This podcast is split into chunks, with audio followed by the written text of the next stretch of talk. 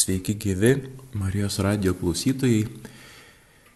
Prie mikrofono su jumis kunigas Tomas Janavičius iš Linkuvos parapijos ir, ir geras pusvalandukas dvasinio maisto, šiek tiek paremto Bibliją.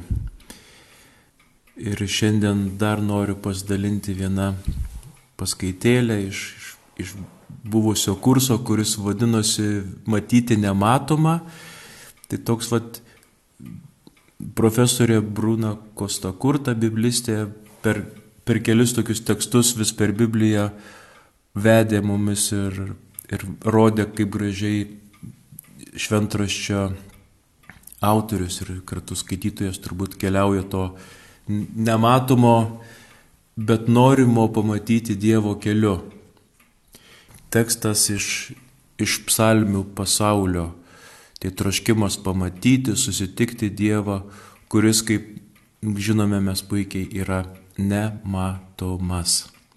Tai 63 psalmė, kur nupasakoja be galo gražiai Dievo troškimą ir atpažįstama, kaip labai yra sena ir autentiška šita psalmė ir jai Ji gimė Dovydui esant judė, judo dykumoje. Tai štai būtų tekstas, kuriuo mes ir bandykim šiandien keliauti. Ir šiokia tokia analizė ieškoti, kaip Dievas gali tapti matomas bent akies krašteliu ir man. Tai 63 psalmė. Dieve, tu esi mano Dievas tavęs aš ieškau, mano gyvastis tavęs ilgisi, mano kūnas tavęs trokšta, kaip sausa pavargusi ir perdžiavusi žemė. Leisk man pažvelgti į tave šventovėje, leisk man pamatyti tavo garbę ir galybę, tavo ištikima meilė man yra brangesnė už gyvastį. Mano lūpos kelbė tavo šlovę šlovinsiu tave, kol gyvensiu, tiesiu į tave savo rankas, šauksiuosi tavo vardo, būsiu sotus kaip po turtingų vaišių, džiaugsmingai gėdosiu šlovės giesmes, gulėdamas guolyje aš tave menu per keurą naktį mastau, kad tu esi mano pagalba. Ir tavo sparnų auksmėje krykštauju iš džiaugsmo, glaudžiuosi prie tavęs. Tavo dešinė mane palaiko. Psalmę suvokti yra iš tikrųjų daug, daug reikalų, daug jas reikia stengtis, daug norėti, daug, daug žinoti. Aš tikrai ne, nepretenduoju į kažkokią gilę analizę, tiesiog tai bus keletą, keletą minčių, kurias per, perkeliausim per šią psalmę. Jų kalba tai nesuprasi ar vis tiesioginė, ar, ar perkeltinė prasme. Ir tuo labiau mums tie senoviški kartais terminai psalmių sunkiai suvokiami. Kaip turi būti suprasta, kaip turi būti melstasi tas tokiu psalmės tekstu. Įsivaizduokime, Dovydas judo dykumoje. Tai tipiška situacija susitikti Dievą, kai dikumoje atrodo viskas dinksta, visas triukšmas, visų prasmių triukšmas. Dramatiškoje situacijoje Sauliaus Dovydas yra persikiojimas, jisai bėga nuo jo. Dievo pamatymo patirtis, vad kaip ir nupasakojama ieškoto, mylėto, ilgėtosi, susitikto ar pamatyto Dievo. Radikalus ieškojimas. Jis dar prieš prasidedant dienai su aušra sako, aš tavęs jau ieškau. Pirmas dalykas, ką aš darau. Ant kiek Dievas man yra reikalingas, kol dar naktis keliuosi su rūpešiu, su ilgesiu, ieškau Dievo. Čia taip pat gražiai kaip Marija Magdalietė Jėzaus kapo situacijoje prisikėlimo rytą. Jėzus mirė, akmuo užverstas, bet Marija Magdalietė negali neieškoti, neiti ten, negali būti toli nuo savo mylimo Dievo, nuo mylimo Jėzaus. Ir kaip gražu, vietoj miego, vietoj polisio ieško Dievo. Tu esi mano Dievas, tu mano gyvenimas, tavęs aš ieškau. Trokšta mano siela, jis sausa kaip dikuma, kuri suskilinėja. Tik vanduo dikumoje gali teikti gyvybę, žemė trokšta vandens, taip lygiai žmogus trokšta ir ilgisi Dievo. Be Dievo aš negyvenu, kaip dirba be vandens. Ta ypač jaučia dikumų žmonės. Ten jų gyvenimo dalis dikuma, saulė kepina, yra baisiai lengva numirti. Dikuma vieta, kur trūksta visko. Ten gyvenimas lengvai pavirsti gali mirtimi. Dikuma primena troškulį, kuris žudo. Čia reikia to absoliuto Dievo, kuris geriausiai užpildytų žmogaus troškimo gelmes. Kaip šventasis Augustinas sako, aš tol nenurimsiu, kol, kol, kol netrasiu, kol nenurimsiu, ne, neatsilsėsiu tavyje viešpatyje. Tokia graži, graži žmogaus turbūt situacija tuo apipiešta. Dikuma ir paradokso vieta, nes joje kai pasirodo vanduo, pradeda lyti, viskas staigiai, staigiai suveši, sužydi, dikuma tampa žaliomis žydinčiomis pievomis, žolėmis, gėlėmis. Ir kažkada matęs dykas, smėlėtas sausumą, akmenis, uolas, tuštumą, po lietaus tu visai matai kitą vaizdą. Įgyjas spalvas, nušvinta, viskas tas, kas buvo pirmiau niku. Čia gyvybė ir mirtis visada šalia. Nėra vandens sausa, po lietaus viskas žaliuoja. Paradoksų ir stebuklų vieta, kur gyvybė gimsta iš mirties, tai tuo pačiu ir tuštumos esatis. Nieko nėra dykumoje. Ir tik todėl, kad nieko nėra, tu pamatai kaip atsiranda iš nieko viskas. Dikuma puikia vieta pamatyti, patirti Dievą, kuris yra pati gyvybė. Štai kodėl dikuma tikėjimo ieškojimo simbolis. Ir vienuoliai, ir mąstytojai, ir atsiskyrėliai dažnai ir išeidavo į dykumą susitikti, radikaliai susitikti savo į Dievą. Pranašo Ozėjo žmona buvo vedama taip pat per dykumą, kad pamatytų, jog be sutuoktinio visi jos meilužiai tokia tuščia vieta, tokia trumpa pramoga, čia grinai Izraelio tautos patirtis prieš vienintelį Dievą. Eiti į dykumą tas pats kaip pasakyti savo, Dievo tau trūksta. Tikiu ir tikiuosi, mes tą taip pat kiekvienas galim įsivardinti, kiek esam Dievo išsilgę. Nepaisant to, kad kartais puikiai mokam tą nuslėpti, kažkur nukišti ir sakyti, kad man gerai ir be jo. Dikuma puikiai pasitarnauja, pamatai, kad tu esi visiškas visiškas niekas. Įvaizdis labai išsamus. Mano siela ir mano kūnas neatsijami. Žmogus yra neatskiriamas kūnų ir siela.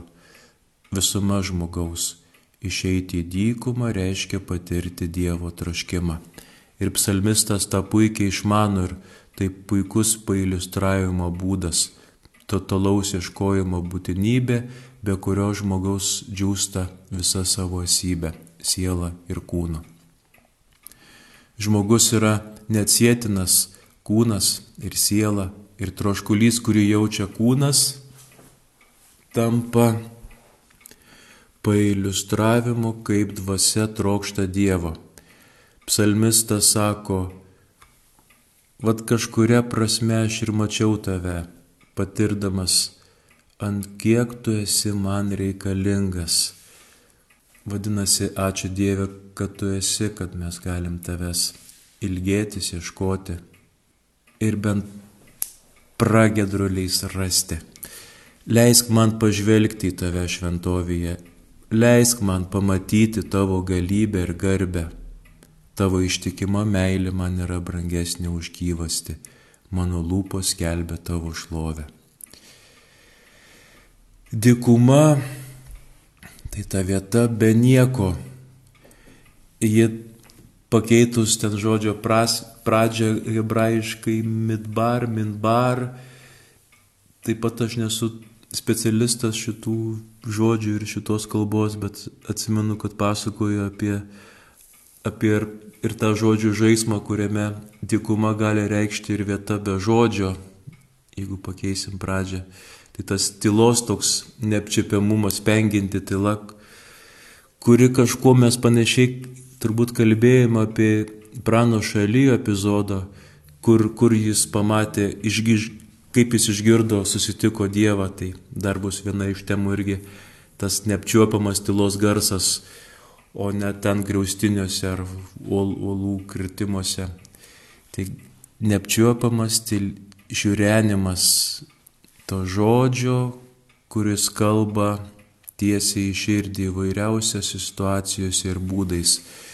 Ir tai visą keičia, sužaliuoja net ir žmogus, jeigu jis yra besistengiantis išgirsti ir pastabus.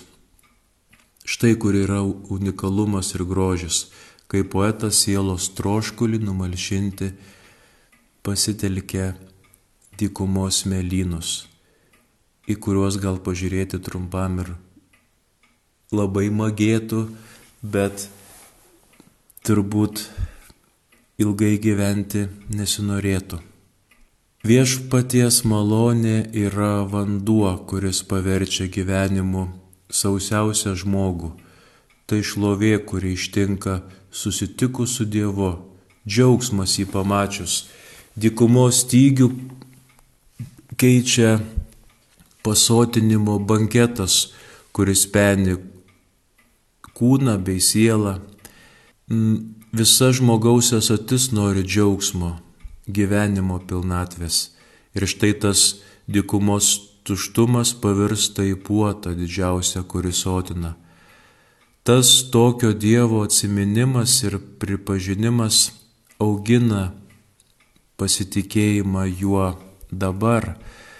Kai aš tik pagalvoju apie tave, aš pašoku iš džiaugsmo, džiaugiuosi tavo sparnų pavėsyje, totali ramybė, džiaugsmas ir saugumas net nakties tamsoje, aišku su sąlyga nepamiršti jo, kad tu esi mano pagalba, kad tavo sparnų ūksmėje krikštauju iš džiaugsmo. Dikumoje kiek daug reiškia pavėsis, be pavėsio baisi karštynė ir mirtis. Dikumoje netrasti didelį akmenį jau yra didelis išsigelbėjimas. Reiškia čia net ne tik šešėlis gelbėjantis nuo saulės, o nepalyginti daugiau. Dievo švelnumas per jo galingus sparnus. Su juo mes esam saugus vaikai. Čia kaip motino švelnumas yra Dievo rūpestis. Čia kaip paukštė mama glaudžia ir saugoja savo vaikus po sparnais. Tai motiniško rūpeščio ženklas ir švelnumo tai patirtis susitikimo su Dievu, kuri traukia iš mirties, nebesi daugiau išžiūvusi žemė, kuri miršta, bet atrandi pilnatvės džiaugsmą.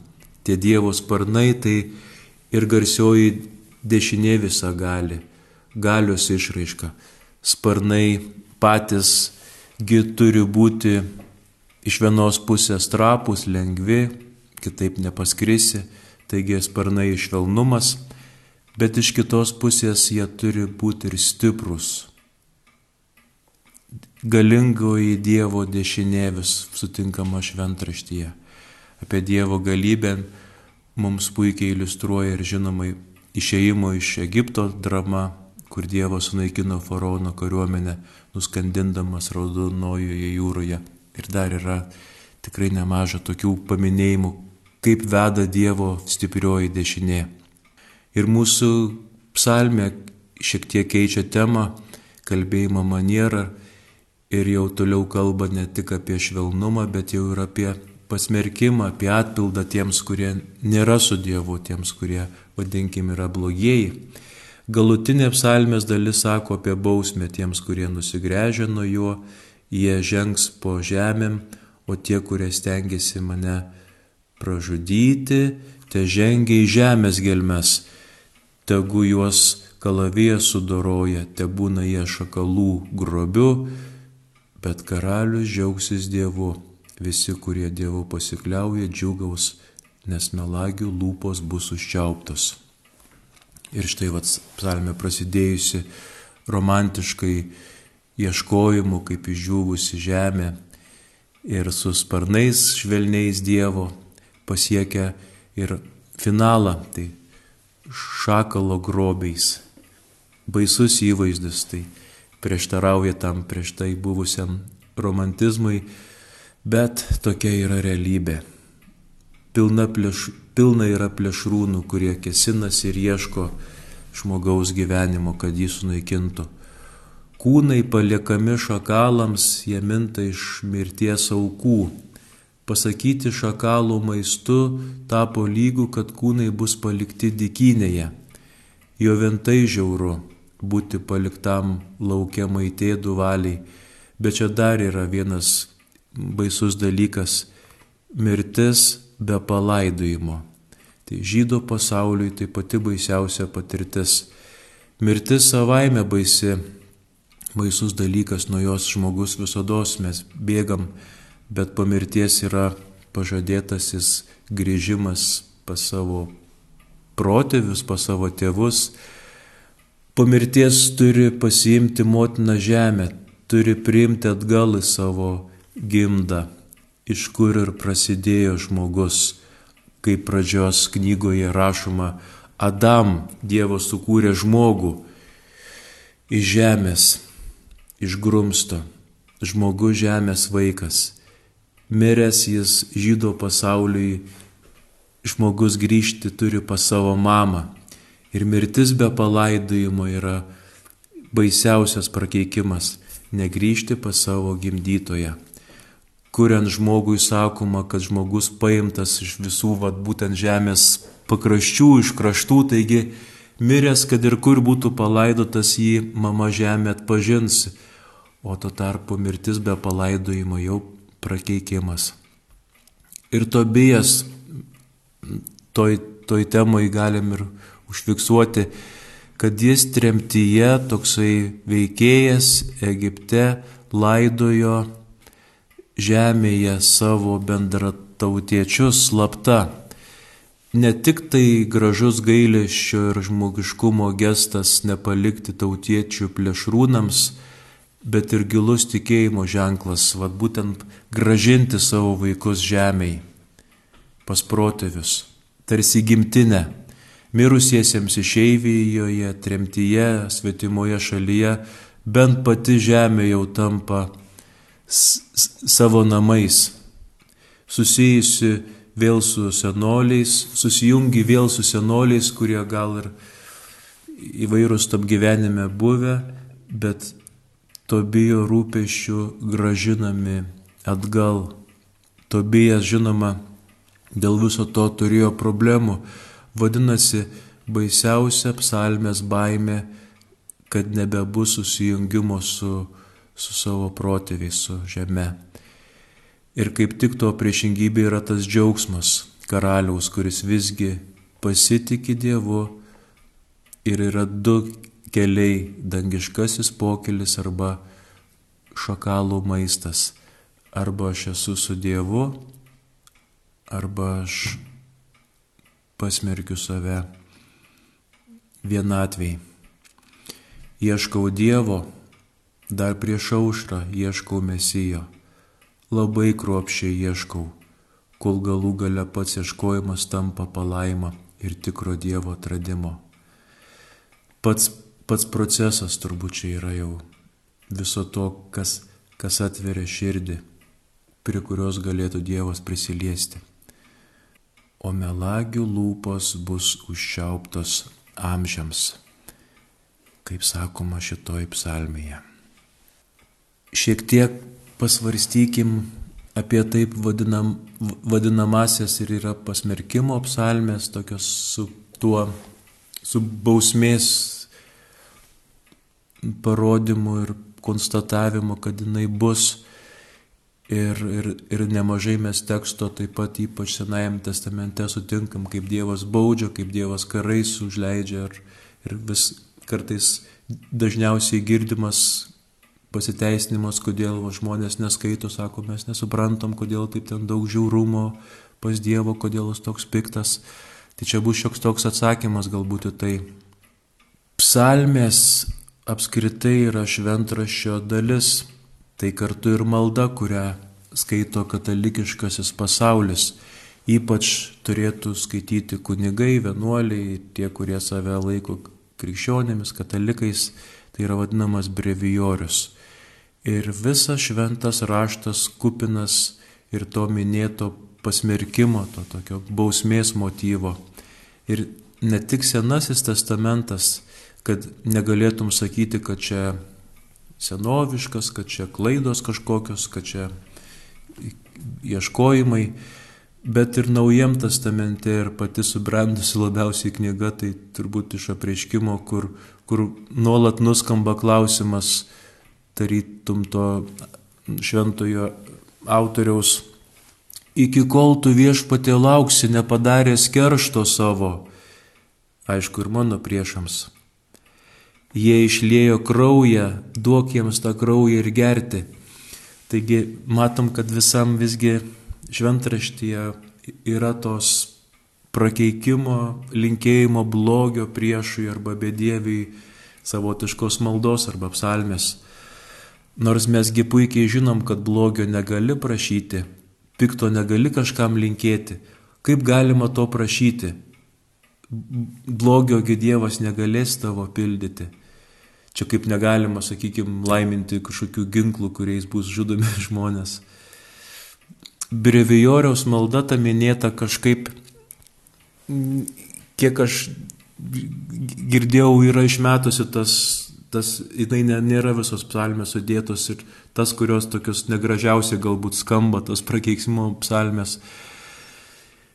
Tie, kurie yra kai kurie vienuolynai, kurie tą skaito pilnasias, pilną į brevijorių. Na ir suprantama, iš vienos pusės yra noras tas išmesti tuos ne, ne, nepatogius tekstus, galbūt negražius, tie pastaraciniai sumetimai, tarkim, įeini į bažnyčią, ten meldžiasi viskas gražu, prieini, paklausai teksto, ten vienuolių arba kunigų grupė skaito kokią prakeiksmą psalmę, tai vaizdelis būtų turbūt nekoks. Bet kartu yra kita problematika, jeigu aš viską išmetu, e, ta, kas, kas netinka, rizikuoji taip pat savo maldą ir savo religiją padaryti atsiribojusią nuo realaus pasaulio. Nes matai, kad pasaulis ne tik yra ta graži pasakų šalis, pasaulis visgi yra visoks, jis yra ir, ir piktas, ir neteisingas, ir žiaurus. Dar baisiau, blogis visada yra kažkas, kas verčia suabejoti Dievo buvimu arba jo gerumu. Hmm. Kai esi blogio apsuptyje, tai liečia ne tik žmonės, bet ir Dievą ten, kur blogis triumfuoja ir lieka nenubaustas, ten labai norima įkišti, kad kur tu Dieve tada esi, tavo spraga. Nes kitaip sakom, o tai kur Dievas, kai tiek daug blogio, gal irgi Dievas miega, kaip atsimena toje situacijoje, kur balo pranašai ir, ir, ir pranašas E, kuris užkurs laužą iš deginamosios aukos. Gal sako, šaiposi, gal miega jūsų Dievas. Atrodo, blogis kartais laimi, vis kyla klausimas, o kur tas Dievo va, teisingumas yra?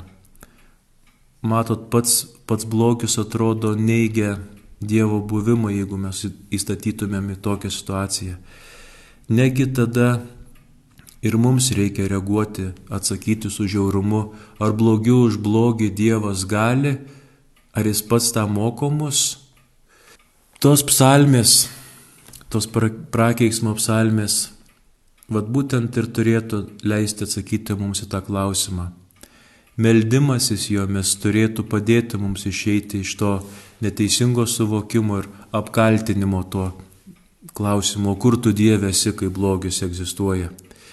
Plus jos leidžia patirti, kiek blogis yra vešintis, kaip nesveika ir negera susigyventi su juo yra. Prieš blogį imtis realių veiksmų, nors tai ir atrodo lyg atsakyti už blogą blogu, jie man kenkia viešpatie nubausk, bet geriau pagalvojus tai labai pozityvu, mat vykstantis blogis aplink natūraliai kelia nusivylimą, pyktį ir keršto jausmą ir tos psalmės kągi padaro, jos visą tai leidžia man iškelti į paviršių. Į paviršių ne tik man, bet ir prieš Dievą, tam, kuris mane gydo, gelbėja nuo užvirusio blogio manyje, už, nusi, iš, už nusivylimą, už keršto. Taigi turim savo ir kitiems leisti suvokti, kaip siaubinga yra pati nuodėmė. Ir to akivaizdoje neįmanoma išlikti ramiam ir abejingam. Aišku, visada yra ir perdėta pagunda kerštui, bet ir galimybė mažinti aplink blogio dominavimą. Viską susumavus, negalime būti indiferentiški. Tai yra, kai mums nelabai rūpi. Mes sakom, gyvenkit kaip norit. Mes krikščionis prieš blogį reaguojam dažnai per kukliai, ramiai, atseit. Negalim dėl Dievo meilės pamokytis, negalim subarti, negi mesim šakalams blogiukus. Mes tai priimam kaip darybę savo tokio kuklumą, kai aš esu toks abejingas prieš blogį. Mes elgiamės taip, tai atseit krikščioniškas atsakas į blogį. Nelabai turėtų būti. Tol, kol blogis nepaliečia tavęs pačio, arba tiesiog neįdomus, nesusijęs su manimi. Ar čia teisinga? Ar tai darybė? Ar apsipratimas su blogiu aplink? Prieš blogį išlikti ramiam, šipsotis ir atleisti. Ar čia yra tikrasis krikščioniškumas? Ar tai yra darybė? Ar kaip pasakytumėm mūsų žinomą žodį dzin? Man vienodai. O gal kad esame apsipratę su blogiu, prieš blogį visgi aš turiu reaguoti, kad tai gazdina, kad tai yra pavojinga ir aš to negaliu toleruoti. Negal, neturim priimti blogio aplinkui, o kiek jo yra? Karai, skriaudo, žudynės, vaidai, prievartavimai, išnaudojimai. Kiek daug blogio? Klausom, klausom penkias minutės apie blogį, po to pasižiūrim kažką, sužinom internete kažkokį įvykį arba žiniuose, galbūt pasidalinam su kažkuo, kartais nelaimė sukelia žiotažą, visi vienas per kitas kalambijam tas naujienas, kažkokia tragedija, gal netgi truputį skauda už tos kitus žmonės bet po kelių minučių tu vėl apsisuki ir tari, na, o ką, ką vakarieniai pasidarom, nieko čia nepakeisim. O visgi prieš blogį turėtumėm nesitaikyti, turėtumėm jį įvardinti. Tos prakeikimo psalmės ir tas, tas toksai biblinis epizodas apie apie pasmerkimą jis, jis tam ir tarnauja. Iškelti reikia visą tą šlamštą. O plus kiek to blogio ir pačiame manyje, tai irgi man proga yra iš, iš, išsivalyti, išlaisvėti. Prašom Dievą, pakeisk, pakeisk tokį mūsų pasaulį, mums taip yra blogai. Aš gal noriu šakalams tą žmogų atiduoti, šakalams, O čia ir yra tos maldos grožis. Pats tikriausiai norėčiau keršto, bet stengiasi per maldą tą bylą, tą reikalą pavesti Dievui, kai būtų stipru ir patikima, uždėti ant, ant, ant Dievo pečių savo bylas. Gal aš pavyzdžiui atkeršyčiau tam blogiukui, bet melzdamasis per psalmę sakau, Dieve daryk teisingumą tu, ne aš. Dar yra viena medalio pusė. Melstis į Dievą kartu yra ir savotiškai, sakyčiau, pavojinga kai kuria prasme. Nes bijai, kad Dievas pakeis taip, kaip nori Jis, o ne kaip pagal tave turėtų būti. Įvardindamas blogį ir maldoje bylą pavesdamas Dievui, tu du dalykus padarai. Pirma, nesebejingas aplink tave esančiam pasauliu ir kas jame darosi ir tam blogio egzistavimui. Ir antras dalykas - pavedi Dievui tą tvarkyti. Nebe tu teisėjas. Tegu jis daro kaip nori. O Dievas, sekant viso šventraščio mintimi, nori, kad nemirtų nusidėjėlis, kad atsiverstų, kad pasikeistų. Mirti turi nuodėmė, jinai turi būti sunaikinta, o būti išgelbėtas žmogus, nusidėjėlis, ligonis, tam tikslui ir siunčiamas Jėzus Kristus. Tos psalmės ir reikia ir svajoja, tiesie tavo karalystė, te teinie tavoji valia, kad blogis būtų sunaikintas, o dondemingasis išgelbėtas jis taptų nebenusidėjėlis ir kad nieko nereikėtų atiduoti šakalams. šakalams.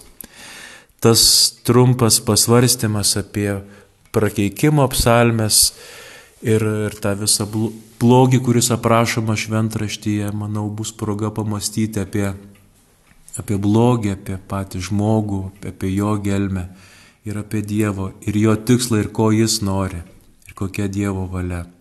Gal tuo pačiu tai bus pagalba ir mums skaityti tas sunkes vietas Biblijoje, kalbančias apie karų, žudynės ir tėvo įniršį ir taip toliau. Ir pabaigai trumpai kita psalmė 84, kurioje tiesiog leiskime vėl mums kalbėti Dievui ir, ir mus mokyti per, per šį švento rašto tekstą. O kokios mielos yra tavo buveinės galybių viešpatie. Trokštų ilgiuosi viešpatie šventovės kiemo. Mano kūnas ir širdis gėda iš džiaugsmo gyvajam Dievui, nežvirblis randa namus ir krekždė saulizda prie tavo aukūrų galybių Dieve, mano karalių ir mano Dieve Kokie laimingi, kurie gyvena tavo namuose, visą tave šlovindami giesmę. Koks laimingas žmogus, kuris randa užuovėje tavyje, kurio širdis yra vieškelyje į Zijono kalną, jie eina per Bakanos lėnį laikydami jį šaltinių vieta. Tartum ankstyvasis lietus būtų jį pripildęs palaimos. Eidami jie stiprėja, jie matys dievų dievą Sijone. Kaip gražu sutikti Dievą. Svajonė. Ai, bet jinai įsipildys tikrai mums mūsų, mūsų mirties akimirką. Kartu ir nostalgija. Ieškom tėvynės. Tiems, kurie, kurie esam toli nuo savęs, kažkuria prasme ta vidinė, čia nostalgija to jausmo būti savimi, būti žmogumi, būti, būti namuose pavydas net tam paukšteliui, kuris turi lizdus, gali lankyti šventykloje, kuris yra lengvas, kuris yra tuo, kom turi būti, kuo kartais mums nepavyksta žmonėm. Psalmistas sako, laimingi jie, norėčiau ir aš. Laimingas žmogus, kurio jėga esi tu. Laimingi tie, kurie dvasiškai gyvena artumo Dievo. Tie piligrimai, kurie ieško Dievo. Jiems leidžiasi randamas Dievas ir tai abipusis ryšys. Susitikimas su Dievu, regėjimas ir leidimasis matyti. Dievas leidžiasi matomas tiems, kurie ir ieško ir taip pat Dievo artumoj būna. Bet čia ne tik išoriškai Tai ilga kelionė ir pasitikėjimo kelias. Ten, kur ašaros vėliau nušvinta. Geriau diena pas tave negu tūkstantis kur kitur. Proporcijos čia nerasime. Nesutalpinama palyginti, kaip pas Dievą geriau. Geriau ant saulės kepti, negu pas bedievių palapinėje vėsintis. Nes pamenam, Dievas moka ir šešėlį savo sparnais teikti. Dievas kaip saulė, kuris eina ten, kur eini tu eiti link Dievo ir kartu būti jo lydimais, matyti nematomą. Didžiulis uždavinys eiti link Dievo ir su juo. Tai po truputį padaro įmanoma matyti nematomą. Pranašai irgi, nors ir patys yra bejodami ir bėgdami nuo Dievo misijos, per įvairiausias krizės ir savo pačių ir žmonijos ir visą padėjo broliams ir, ir seserims savo amžininkams pamatyti blogį juose atskleisti, bet tą blogį, kurį Dievas nori perkeisti į savo gerą gailestingumo. Taip mirti perkeisdamas į gyvenimą. Keliauti link šventovės. Gyvenimas, piligrimystė į šventyklą, į dangišką Jeruzalę. Su laukimu, kad ten visi, visi, visi galėsi matyti Dievą jau nebe nematoma. Dėstytoja šitoje vietoje sako, Ačiū visiems už kantrybę, už, už paskaitų ciklą, kurį išklausėm. O kągi dabar turėsim, sako, egzaminą. Neįsigaskit.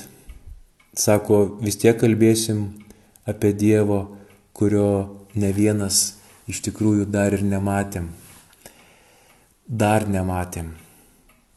Tai brangiai ir linkiu tokio ilgesio ir tokio tikro krikščioniškumo jausmo, to tokio noro ilgesio, tokio pasiryžimo vis ieškoti Dievo ir, ir svajoti, kad vis tiek jis leidžiasi po truputėlį mums atsiskleidžia. Tai per gyvenimus, tai per mūsų ką pastudijuojam, kur besistengiam, per, per susitikimus, per žmonės. Prie mikrofono kunigas Tomas Janavičius iš Linkuvos parapijos ir te būna garbėjai Kristui. Ieškokim dievų, jis leidžiasi randamas.